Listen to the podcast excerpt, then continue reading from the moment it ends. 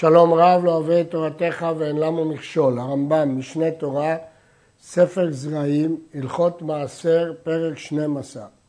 הלוקח פירות ממי שאינו נאמן על המעשרות. אין הכוונה פה לחשוד, אלא מי שלא נאמן, מה אינו עם הארץ שאין לו נאמנות מיוחדת על המעשרות. ושכח לעשרת. ונכנסה שבת או יום טוב, שאינו יכול להסר. זה כבר לא בין השמשות, זה כבר שבת, הוא לא יכול להסר. הרי זה שואלו.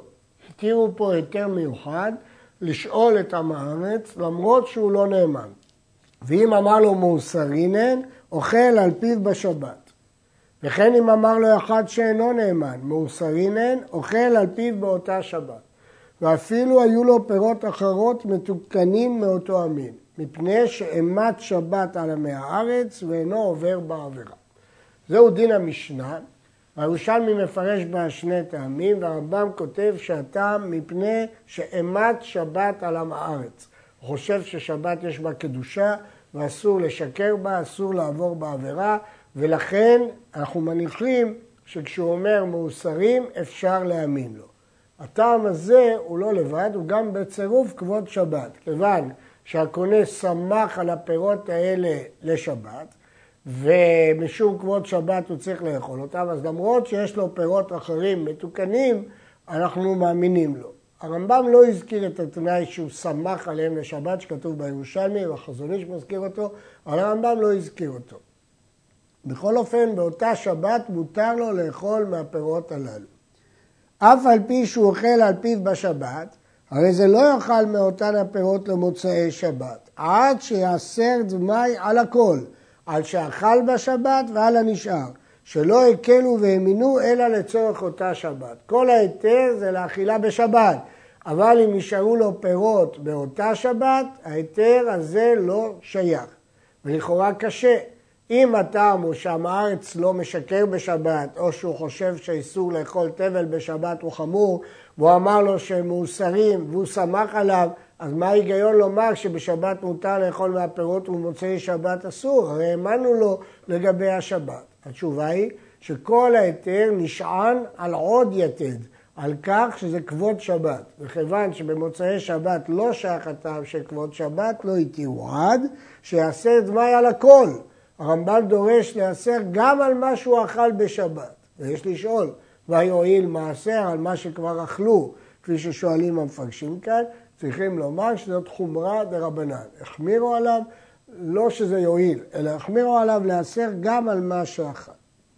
הייתה שבת ויום טוב סמוך לה, ושאלו באחד מהם, אוכל אב בשני, מפני שלא נראה להיאסר בינתיים, וכן בשני ימים טובים של גלויות. כיוון שהשבת צמודה ליום טוב, אז הוא לא היה יכול להיאסר בינתיים, האדם הלוקח לא יכל להיאסר בינתיים, לכן הקלו אה, גם בשבת וגם ביום טוב לסמוך על השאלה של המארץ. ג. הנשבע על חברו שיאכל אצלו בשבת, והוא אינו מאמינו על המעשרות, שואלו ואוכל על פיו בשבת הראשונה בלבד, אבל בשבת שנייה, אף על פי שנדר ממנו הניה אם לא יאכל אצלו, לא יאכל עד שיעשר מעשר דמי.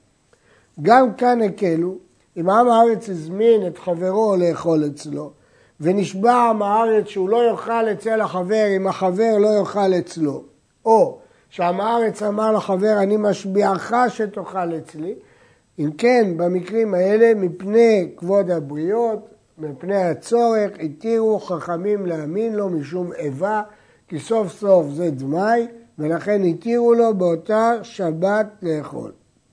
אבל בשבת שנייה לא התירו עד שיעשר מעשר דמי. איך הוא יעשר?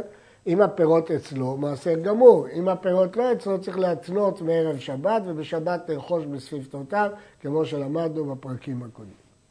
מי שאינו נאמן, שראיינו שהפריש תרומת מעשר מפירותיו שהם דמי. ראינו בפירוש שהוא הפריש תרומת מעשר מפירות דמי. הוא עינוע שחזרה ונפלה בפנינו. ראינו שאותה תרומת מעשר שהוא הפריש מהדמי נפלה בחזרה לפנינו לפחות ממאה. כלומר היא לא מדומעת. בין למקום אחר, בין למקומה. ואמר, חזרתי והפרשתי אותה. עם הארץ אומר שהוא חזר והפריש אותה, איך הוא יכול להפריש? הוא ראה לאן היא נפלה. למשל, החלק העליון של המגורה, אם זה חיטים, והוא הסיר את כל החלק העליון, באופן ש... או שהוא הכיר בתביעות עין, איפה הפרי שנפל והסיר אותו. זאת אפשרות אחת. אפשרות שנייה, שזה נפל ליותר ממאה, ואז הדין הוא שזה מדומה, רק צריך להרים שאה אחת, והוא אומר שהוא הרים שאה אחת. נאמן אפילו בחול ואוכל על פיו, זה לשון המשנה, תרומת מעשר של שחזרה למקומה, אז נאמן אפילו בחול. אז גם בחול הוא נאמן, וכל שכן כמובן בשבת.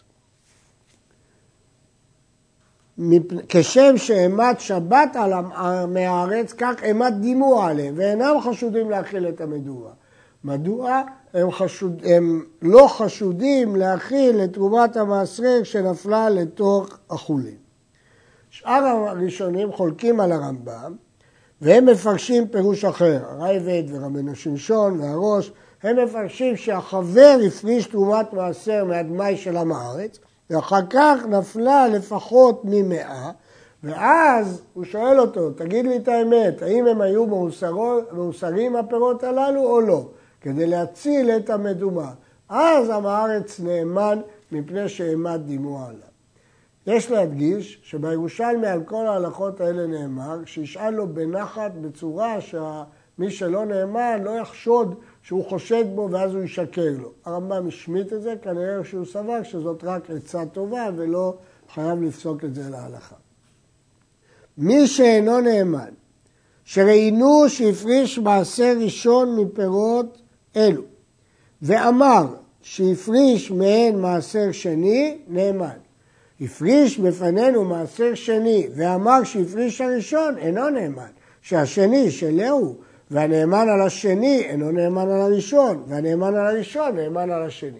הוא לא נאמן על הדמאי, כלומר, אנחנו חושדים שהוא הפריש תרומה ולא הפריש מעשרות. אבל ראינו בפנינו שהוא מפריש מעשר ראשון. אז יש להניח שהוא הפריש גם מעשר שני. למה? כי מעשר ראשון הוא נותן אותו ללוי, ואם את זה הוא הפריש, כל שכן שהוא יפריש מעשר שני שהוא אוכל אותו בירושלים. אבל אם ראינו שהוא הפריש מעשר שני, זה לא אומר שהוא הפריש מעשר ראשון, כי מעשר שני הוא עולה ואוכל בירושלים, ולא כמו מעשר ראשון שהוא נותן ללוי. לפיכך, מי שאינו נאמן, שהוציא פירות מביתו ואמר אלו מעשר ראשון, נאמן, ואין מפרישים בהם תרומה גדולה ומעשרות. אנחנו מאמינים שזה מעשר, ואם זה מעשר זה פטור מתרומה גדולה ומעשרות. ואם אמר אלו מעשר שני, אינו נאמן, כי הוא לא התנדב לתת פה שום דבר, זה פירות שיישארו שלו, והרי הם דמאי, ומפרישים מהם תרומת מעשר כמו שמפרישים מדמאי. ויראה לי שהוא פודה את כולם. סוף סוף אולי הוא צודק כשהוא אמר שזה מעשר שני, ואז לחומרה אני צריך להתייחס לזה כאל קודש. ולכן למרות שאני מחייב להפריש מזה תרומת מעשר, אבל צריך לפדות את הכל, כי אולי זה הכל באמת מעשר שני, ואז זה קודש. לכן לחומרה חוששים לדבריו, אבל לא מאמינים לו. האומר למי שאינו נאמן על המעשרות, קח לי ממי שהוא מעשר, והלך ולקח והביא לו, אינו נאמן. כיוון שהאיש הזה הוא לא נאמן, אז הוא גם לא נאמן שהוא לקח לו ממישהו שהוא מעשר. ואם אמר לו, קח לי מאיש פלוני, הוא נקב בשם הסוחר שהוא רוצה שהוא יקנה ממנו, הרי זה נאמן לומר ממנו לקחתי, שהרי מתיירא שמא ישאלנו. הרי כיוון שהוא אמר לו איש מסוים, יבוא עם הארץ ויגיד כן, קניתי ממנו, למחרת הוא יפגוש אותו, ישאל אותו, ולכן עם הארץ לא ישקר כאן. הלך, לקח לו מאותו פלוני ואמר לא מצטים, ולקחתי לך מאחר שהוא נאמן, אינו נאמן מאותה סיבה, כי הוא לא מתיירא, הוא לא אמר לו מי זה, הוא לא יכול לשאול, הוא לא יכול לברר, ולכן הוא לא נאמן. אבל כשהוא אמר לו לקחתי מאיש פלוני, ודאי שהוא נאמן, כי הוא מתיירא שבעל הבית למחר ישאל אותו אם באמת הוא קנה ממנו. הנכנס לעיר ואינו מכיר אדם שם, ואמר מי כאן נאמן? מי כאן מעשר? אמר לו אחד, אני, אינו נאמן. אמר לו, איש פלוני, הרי זה נאמן. והולך ולוקח מאותו פלוני אף על פי שאינו מכירו ואוכל על פיו. הלך לקח ממנו ושאל לו מי כאן מוכר ישן? אמר לו, זה ששלחך אצלי, אף על פי שהם כגומלים זה את זה, הרי אלו נאמנים. כלומר, אדם בא לשאול בעיר, מי כאן נאמן? כלומר, שהוא קונה רק בחבר והוא מוסר את הדמי, ואחד אמר, אני לא נאמן. אדם על עצמו לא נאמן, אבל על אחר הוא נאמן. אז למרות שהוא עם הארץ והעיד על אחר, הוא נאמן על פלוני. והחידוש הוא ש, שגם אם הוא ילך לפלוני והוא יגיד לו הוא נאמן, אז הם נאמנים זה על זה ולא חוששים לגומלין, זה דין הגמרא. התירו את זה מפני חיי נפש, הוא לא מכיר אדם בעיר, ומה הוא יאכל? לכן התירו לסמוק אחד על השני. יש קושי ברמב"ם הזה שנדון בו לקמן, שבהלכה י"ז הרמב"ם פסק שאדם נאמן על של חברו, אפילו חשוד. אז זה נלמד לקמן בעזרת השם. אה, דעת הרייבד, שיש חילוק בין בפניו ללא בפניו. אה, בכל אופן, הרמב"ם כתב את הדין והמפרשים מראים כיצד הוא לומד את זה מן המשנה. לא חושדים אפילו לגומלין. אנחנו נראה בהמשך דין אחר שכן חושדים לגומלין. במה דברים אמורים? מזמן שאינו מכיר אדם שם. אבל אם מכיר שם אדם, לא ייקח אלא מן המומחה. אם הוא מכיר מומחה או אדם שיצביע לו מי מומחה, אז בוודאי שלא התירו לו את זה, כי יש לו פתרון יותר טוב. ואם שהה שם שלושים יום, אף על פי שאינו מכיר שם אדם, לא ייקח אלא מן המומחה, הוא כבר יודע מי מקום האנשים, היה צריך לברר, היה לו מספיק זמן להתעדכן, לדעת מי פה מוכר בכשרות ולקנות ממנו. ולא התירו דברים אלו, אלא בתרומות ומעשרות. אבל לעניין פירות שביעית או לעניין טהרות, לא ייקח אלא מן המומחה. כלומר, זה היתר מיוחד שהתרנו פה רק מדין תרומות ומעשרות בגלל חיי נפש. אבל לעניין פירות שביעית, שזה לא כל שנה ולא כל הפירות אסורים בשביעית, לא שייך בזה חיי נפש, וגם טהרות הוא יכול לאכול בטומאה, ולכן לא שייך בזה חיי נפש. לגר"א יש שיטה אחרת בעניין הזה. החמרים שנכנסו לעיר, ואמר אחד מהם, פירות אלו אינם מתוקנים. הפירות שלי הם לא מתוקנים, לא הפרשתי מהם. אבל פירות חברי זה מתוקנים ומוסרים הם. אבל הפירות של החבר הם מתוקנים. אינו נאמן, שמא קנוניה הם עושים זה עם זה ויהיה השכר ביניהם. הם מראש תכננו לבוא לעיר באופן שאחד יעיד על השני ואז הם יחלקו ביניהם וילכו לעיר אחרת ובעיר אחרת הוא יגיד לו שלי אינו מתוקן, שלך מתוקן ועל ידי זה חוששים אה, לקנוניה. יש שמחלקים אם כלי אומנותו בידו, אין כלי אומנותו בידו, כלומר, אם רואים שהם הביאו למכור או לא, זה תלוי בחילוק הגמרא, והרמב"ם כנראה פסק כתירוץ אחר בגמרא, ולכן הוא לא הביא את הסוגיה הזאת. המוכר פירות בסוריה ואמר משל ארץ ישראל, חייב הלוקח לעשר. מאוסרינן, נאמן, שהפה שעשה הוא הפה שהתיר. הוא העיד שהם של ארץ ישראל, והוא שהעיד שהם מאוסרים. משלי הם, גדלו בשדה של יהודי בסוריה, חייב לעשר. מדי רבנן, כי חכמים תיקנו על שדה של יהודי בסוריה שחייב במעשר. מאוסרים הם נאמן, שהפה שעשה הוא הפה שהתיר. ואם ידוע שיש לו קרקע בסוריה, והיה רוב ממכרו משדהו, חייב הלוקח ממנו לעשר, שחזקתו שהביא משדהו, אז אין הפה שאסר, כי ידוע שיש לו שדה, אז הוא לא נאמן לומר מאוסרי. ואפילו אם יגיד קניתי מהשוק, הוא לא נאמן, כי בדרך כלל הוא מוכר מהשדה שלו.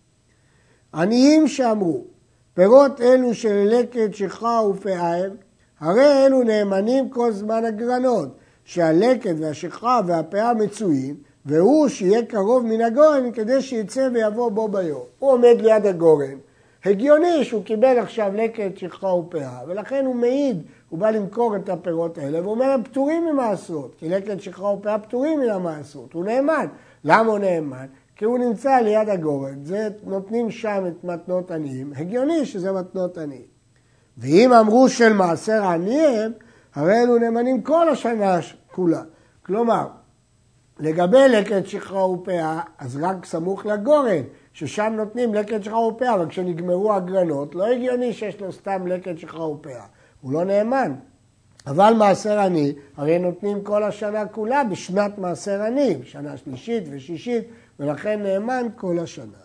ואין נאמנים אלא על דבר שדרך בני אדם ליתן אותו. כיצד? חיטים אלו לקט שכחה ופאה הם נאמנים. קמח זה מחיטים של לקט שכחה ופאה אינם נאמנים. מדוע? כיוון שנותנים לקט שכחה ופאה את החיטים, לא את הקמח. הוא עשה קמח, מאיפה אני יודע מאיזה חיטים הוא עשה קמח? אולי גם לקט, אולי לא לקט, ולכן הוא לא נאמן. ואין צריך לומר שאין נאמנים על הפת, לומר משל מתנות עניים הוא, אלא מתעשרות דמאי, כי הוא לא יכול להיות נאמן. נאמנים על השעורה של אורז, ואין נאמנים עליו בין חי בין מבושל, כי אין דרך לתת אלא את השעורה של אורז.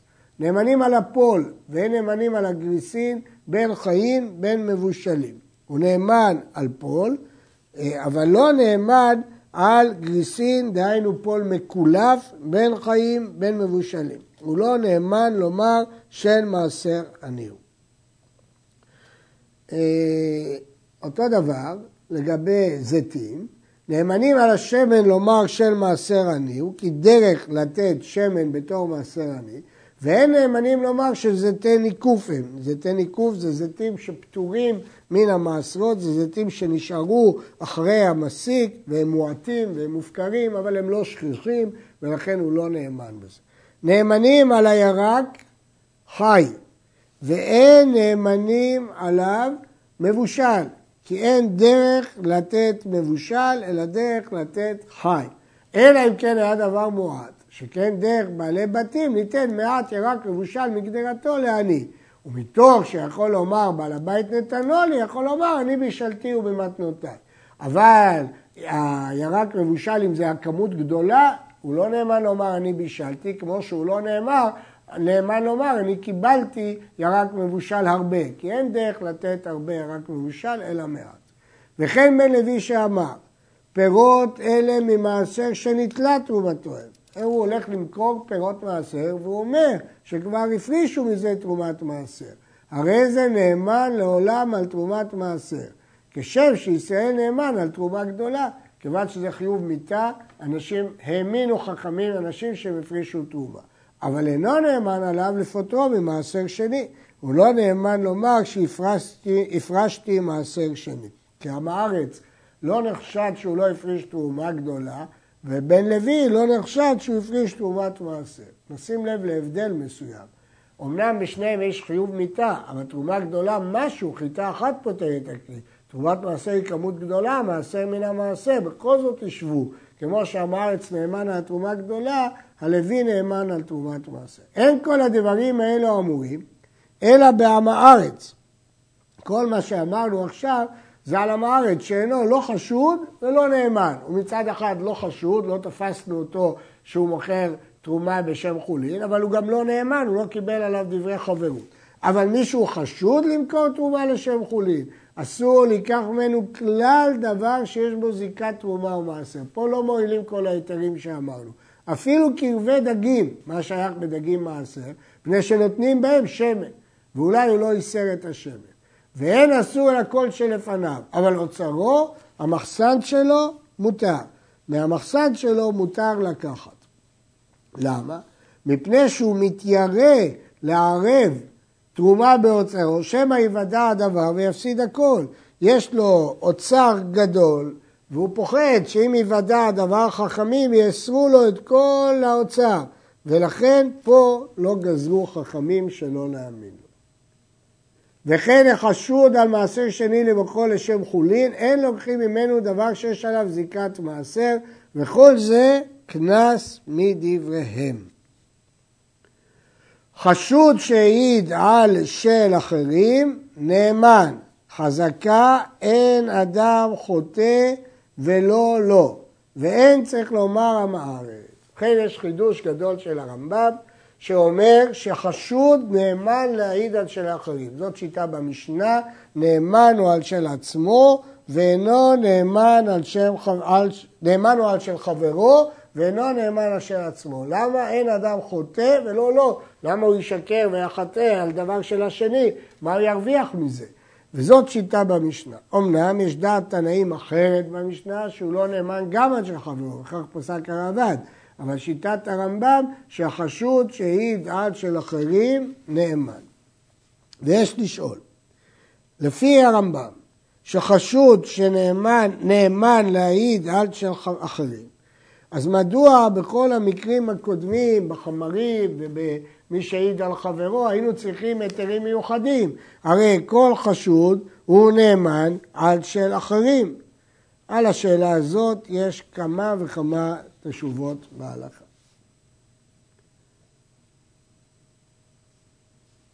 לפיכך, בגלל שאמרנו שחשוד נאמן על של אחרים, עם הארץ שאמר זה תבל וזה תרומה, זה ודאי וזה דמאי, אפילו בשלו, נאמן. אמר אלו פירות מתוקנים בשל אחרים, נאמן. והוא שלא ייראה כעושה קנוניה כמו שבארנו. אם הוא בא להגיד על שלו שזה תבל, או שתרומה, או ודאי תבל, או דמאי, כל זה הוא נאמן. אבל להגיד שהם מתוקנים, הוא לא נאמן. אבל על של אחרים, הוא נאמן. והוא שלא ייראה כעושה קנוניה. אם כן, הרמב"ם רומז בזה תשובה לשאלה ששאלנו. למה בהלכות הקודמות לא סמכנו על זה שחשוד נאמן על של אחרים? כי שם יש בעיות של קנוניה, יש שניים, אבל פה זה סתם אדם שמעיד על של אחרים. המוכר פירות לחברו, ואחר שיצאו מתחת ידו, אמר לה לוקח פירות שמכרתי לך טבלינן. הבשר, בשר בכור היה, היין, יין נסך. שורת הדין שאינו נאמן אפילו היה המוכר חבר. מדוע? כי כל הנאמנות של בעל המקח זה רק כשזה תחת ידו. נאמן בעל המקח על דבר שבידו. אבל אחרי שהוא מוכר, שורת הדין שהוא לא נאמן, ואנחנו מניחים שהוא משקר, כי עובדה שהוא לא אמר לו מיד, למרות שעד אחד נאמן בייסורים, אבל פה יש חזקה נגד זה. למה לא אמרת מיד שזה תבל וכדומה? כיוון שהוא לא אמר מיד, אז יש לנו חזקה שהוא משקר. בכל אופן, והזריז מחמיר על עצמו, ואם אמינו הרי זה משובח אפילו היה מוכר עם הארץ. אדם שהוא ירא שמיים, ראוי לו לחוש לדבריו. ואם אמינו לגמרי, אפילו לגבי אחרים, הרי זה משובח. כלומר, ראוי לחוש בדבריו. והמוכר צריך להחזיר לו את הדמים, כי הוא הודה בעצמו, הודעת בדין כמי עדים. אז אפילו שהוא לא נאמן לאסור, אבל הוא נאמן להחזיר את הדמים, כי הוא חייב את עצמו. עד כאן.